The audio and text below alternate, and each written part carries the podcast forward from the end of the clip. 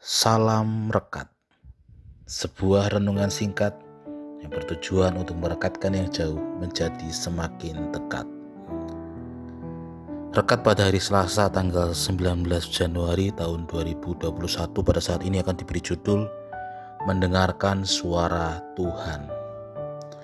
Rekat hari ini dilandasi firman Tuhan dari kitab 1 Samuel pasal 15 ayat 22 tetapi jawab Samuel, "Apakah Tuhan itu berkenan kepada korban bakaran dan korban sembelihan sama seperti kepada mendengarkan suara Tuhan?"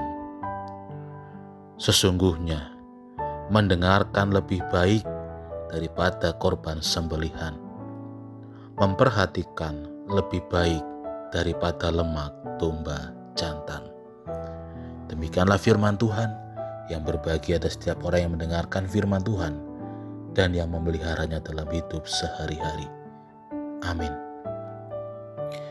Adakah di antara saudara yang senang, merasa bahagia kalau omongannya tidak didengarkan? Saya rasa setiap orang pasti tidak akan senang, tidak akan bahagia jika baik itu omongannya, baik itu masukannya, baik itu permohonannya tidak didengarkan oleh orang lain.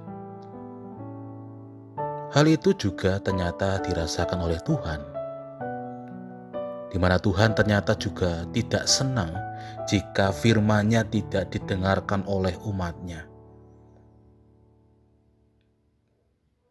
Raja Saul adalah seorang yang diurapi oleh Allah untuk memimpin bangsa Israel.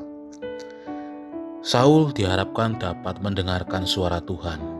Saul diharapkan dapat menjalankan setiap perintah-perintah yang disampaikan oleh Tuhan melalui Samuel.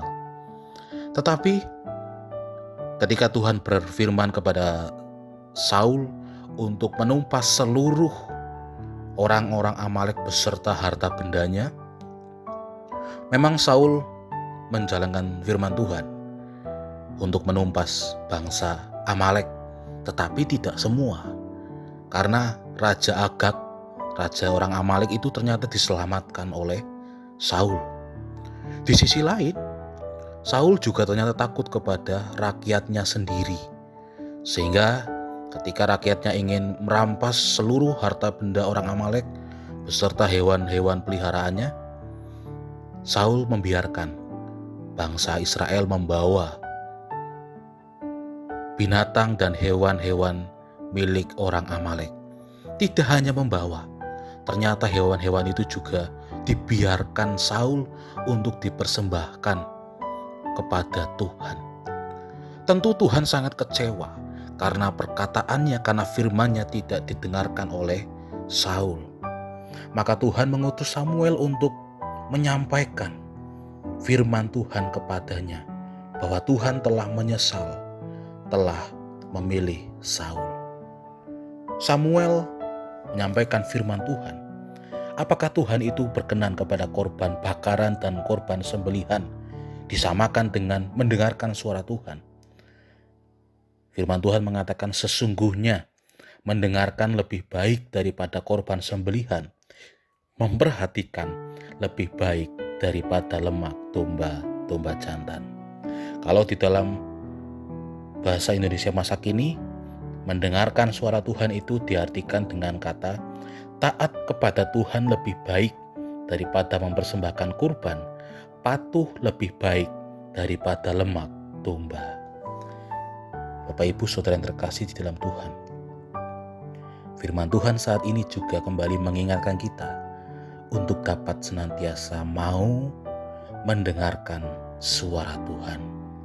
Mendengarkan suara Tuhan menurut tafsiran Indonesia masa kini adalah taat dan patuh kepada firman-Nya.